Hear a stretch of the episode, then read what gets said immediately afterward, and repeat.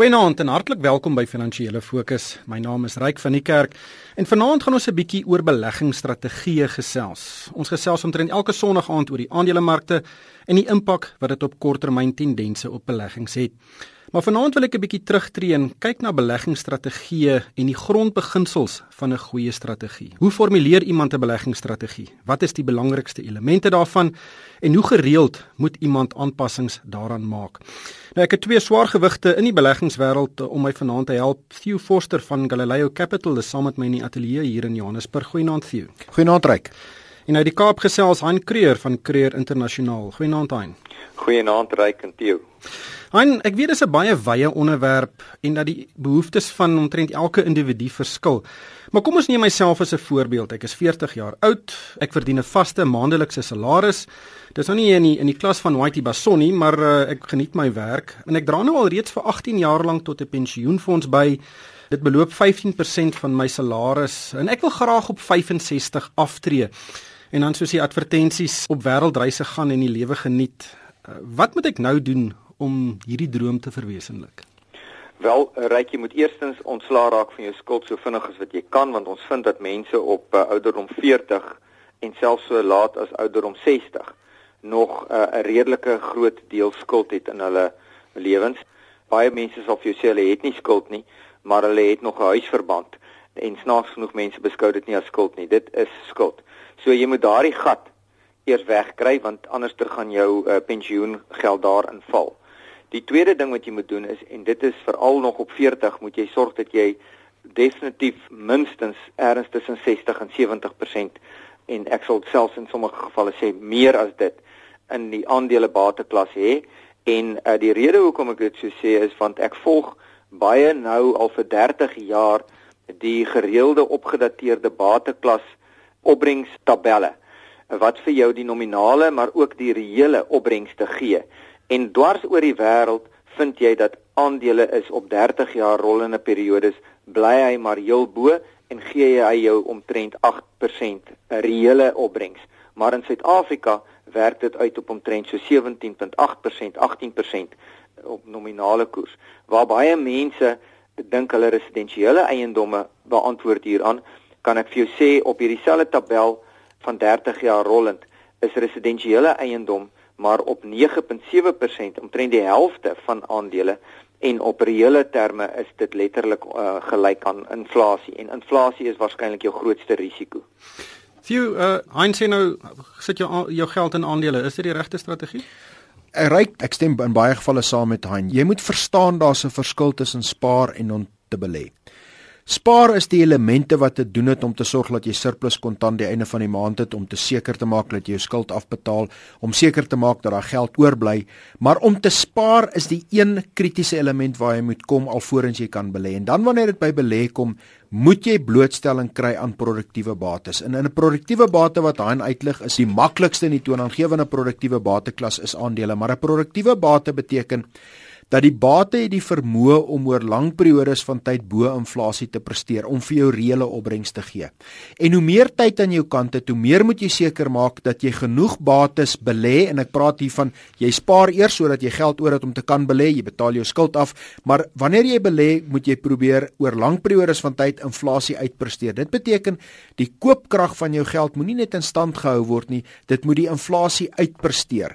En die element daarbey betrokke gaan dan oor jou bate saam samestelling. En uiteraard hoe meer tyd jy aan jou kant het, hoe meer kan jy markwisselvalligheid of korttermynbewegings hanteer en eerder hoe meer is dit aan jou kant om om geld weg te sit op 'n gereelde maandelikse basis want is eintlik daai bedrag wat na 'n spesifieke bedrag toe moet gaan wat jou gaan maak dat jy kan aftree. En die dis in baie gevalle sien ek meer mense wat suksesvol afgetree het wat 'n gedissiplineerde spaarprogram gevolg het as mense wat baie keer baie meer verdien en wat baie keer professionele mense is en dan deur hulle leeftyd hulle aftrede wegbetaal het aan rente.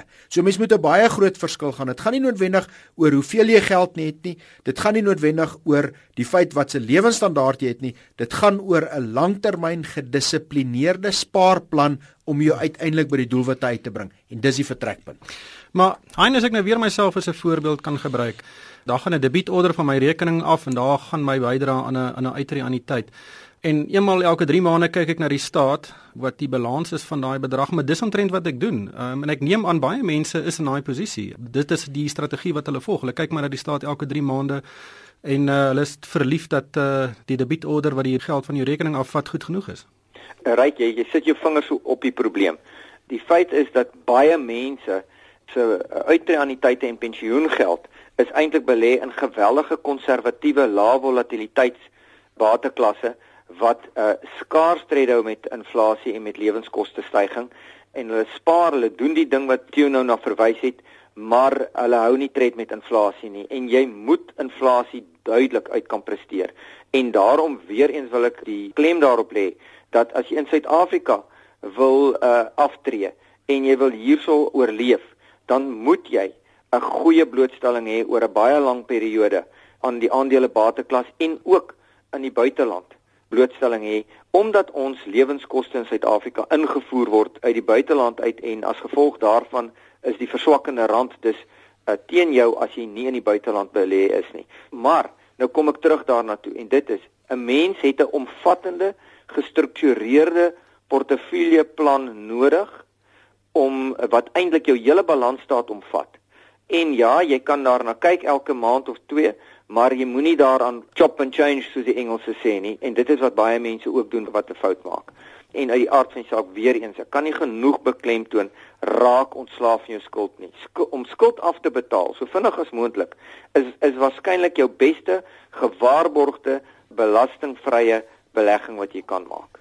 Ryk om baie na, aktief na goed te kyk. Daar's al beduidende studies gedoen dat dis 'n bitter klein fraksie van mense wat beter doen as die mark deur aktief te verhandel. En daar's ook 'n gesegde wat twee professors in Berkeley ontwikkel het in terme van aktiewe verhandeling en dit kom daarop neer dat aktiewe verhandeling is sleg vir jou welfaart. So die punt wat jy moet maak is moenie elke keer as die mark verander, moenie elke keer as jy iets hoor, moenie elke keer as ons hier op die radio praat oor iets jou plan gaan verander nie. Dis belangriker om te bly by daai langtermynplan, maar jy vra, gaan jy in 'n posisie wees om af te tree?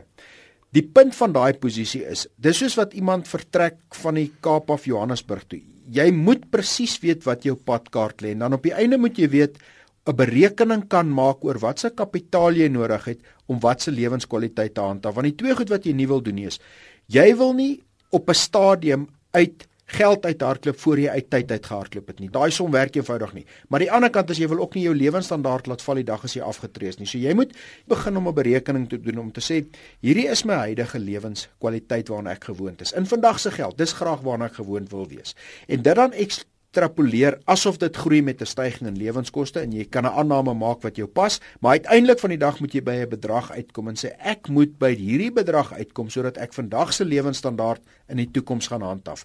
En wanneer jy praat van 'n plan en 'n spaarprogram en 'n bateklas samestelling en verskillende blootstellings en verskillende samestellings, dis instrumente om jou te kry by daai doelwit bedrag wat jou uiteindelik gaan toelaat om 'n sekere lewensstandaard te handhaaf. En dis waar dit ding tegnies dan raak. Okay, maar hoe bereken ek daai bedrag? Wat gaan my bedrag wees? Kom, kom ek gee vir jou 'n uh, eenvoudige som.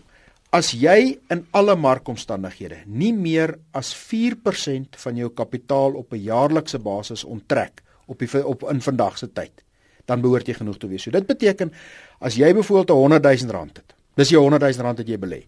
As jy vandag 4 000 rand 'n jaar daarvan onttrek en daai 4 000 rand gaan elke jaar op met inflasie en jou beleggingsstruktuur is reg gestruktureer, dan behoort jy nie uit geld uit te hardloop, geen jou moet die markbewegings is nie. Maar dit aanvaar dat die 100 000 rand wat jy het, word belê in 'n belegging wat oordentlike blootstelling aan groeibates het, aan aandele het en jou 4000 rand wat jy onttrek, groei met inflasie oor tyd. Dan behoort jy enige marktoestande te kan deurgaan. So as jy daai vertrekpunt van dan gee dit jou idee van waar in jou som moet moet terug. So as jy vir my sê, weet jy wat, ek het 50000 rand 'n maand nodig. So ek het 600000 rand 'n jaar nodig. Dan moet jy eenvoudig 600000 rand 'n jaar vat en sê, "Goed, op watter kapitaalbedrag is dit 4%?" En dis dan basies die teiken wat jou dis net 'n tipe van 'n een eenvoudige berekening, maar dit gee jou 'n riglyn. Hoeveel mense tree af met daai fondse tot hulle beskikking? Kom ek sê vir jou ryk, die ongeluk in Suid-Afrika is. Daar's 'n klomp mense wat dit doen en dis nie noodwendig altyd die ryk ouens nie. Dis die meer gedissiplineerde ouens, maar dan is die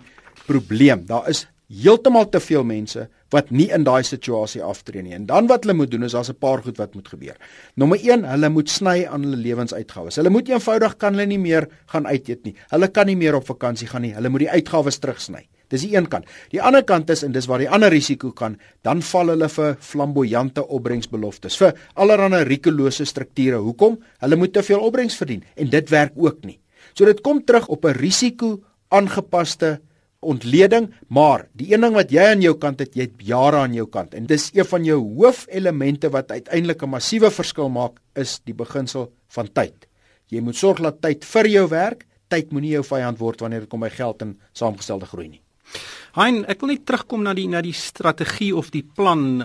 Hoe moet mense daai plan benader? Moet hulle gaan sit en gaan neerskryf wat hulle doelwitte is en dan probeer om uh, die beleggings of die bateklasse te kies wat dit vir hulle sal moontlik maak? In die praktyk, wat moet iemand wat by die huis sit, watse aandag moet daai persoon gee om 'n behoorlike plan saam te stel? Goed, eerstens moet jy gaan kyk wat jou behoeftes is. En jou behoeftes kom net op een ding neer, ryk en dit is wat is jou kontantvloei behoeftes? En daar kan jy na jou huidige lewenstyl kyk. Maar lewenstyl is ongelooflik belangrik want die groot probleem met meeste Suid-Afrikaners is is dat hulle deurlopend bo hulle vermoëns lewe. Dit beteken dat hulle letterlik eintlik deurlopend meer uitgee as wat hulle verdien. En dis die eerste ding wat jy moet regkry. En dit kom terug na wat Theo vroeër gepraat het van die besparing. Met ander woorde, daar moet konsekwent 'n uh, maandeliks 'n uh, meer geld oorwees wat dan kumulatief bespaar word en dus dan korrek belê word en dan kan groei. 'n plan is nie 'n plan as jy dit nie op papier het nie. So jy moet kyk na jou korttermyn wat omtrent so tot 3 jaar kontantvloei behoeftes is, jou mediumtermyn wat so tussen 3 en 10 jaar is en dan 10 jaar plus kontantvloei behoeftes en dan gaan sit jy dit in daardie bepaalde bateklasse wat daarvoor voorsiening maak. Die plan moet neergeskryf word, 'n plan wat nie neergeskryf is nie, is nie 'n plan nie, dit is 'n idee in jou kop. En dan moet jy konsekwent by jou plan hou en jy moet jou plan uit die aard van die saak soos behoeftes kan verander, soos wat omstandighede kan verander, moet hy kan aangepas word. Net soos wat 'n mens uh, wanneer jy 'n huis bou, jou plan ook moet aanpas by sekere probleme wat jy kan kan raakloop. Ja, ek is seker meer mense bestee meer tyd om hulle vakansies te beplan as om hulle finansiële sake te beplan, sien. En dan steun hulle op allerlei snaakse goed. Onthou die vermoë om iets reg vooruit te skat. Dis nie 'n langtermynplan nie. Die vermoë om te raai wat die mark volgende gaan doen voor hy doen, dis nie 'n plan nie. En hoop, hoop is nie 'n plan nie. Hein, net laastens, wat moet die rol van eiendom in so 'n plan speel? Weet Suid-Afrikaners is mal oor eiendom. Die koop en die uh, verhuurmark is baie baie sterk en baie mense glo vas daaraan dat dit is jou sleutel tot 'n goeie aftrede. Ryk ek het net nou verwys na die uh, langtermyn bateklas opbrengskoerse. Dit is presies dieselfde as in die res van die wêreld residensiële eiendom wat mense na verwys as verhuuringseiendomme is omtrent heel laagste op daardie uh, tabelle en dit vang mense baie ernstig wanneer hulle dit doen. Ja, die eiendom wat ons in ons beleggingsportefeuilles inbou is weliswaar die blou bloed eiendomme. Dit met beteken of kom ek sê so, eiendom gaan nie oor die baksteen en die sement nie. Eiendom gaan oor die huurder, die kwaliteit van die huurder en die vermoë van die huurder om op tyd sy huur te betaal. En daar verwys ons na genoteerde eiendomme, met ander woorde kommersiële en en nywerheidseiendomme wat genoteer is op aandelebeurse dwars oor die wêreld en dit is die eiendomme wat naas aandele die ander bateklasse ver uitpresteer. Sien net laastens as uh, jy nou vir uh, iemand by die huis een wenk moet gee oor hoe om hulle aftrede te beplan, wat sal dit wees? Stel 'n plan op. Dit hoef nie die beste plan in die wêreld te wees nie. Stel 'n plan op, sit hom neer op skrif en hou by daai plan. Jy het nie die beste plan nodig nie, maar jy het 'n plan nodig. Hein? Konsekwentheid en selfdissipline is ongelooflik belangrik en om te bly binne jou vermoëns en dit deurlopend te doen, dan gaan jy nooit 'n probleem hê vorentoe. Van ongelukkig is dit alwaarvoor ons tyd het vanaand. Baie dankie aan Han Creer van Creer Internasionaal en Theo Forster van Galileo Capital. En van my ryk van die kerk, dankie vir die saamluister.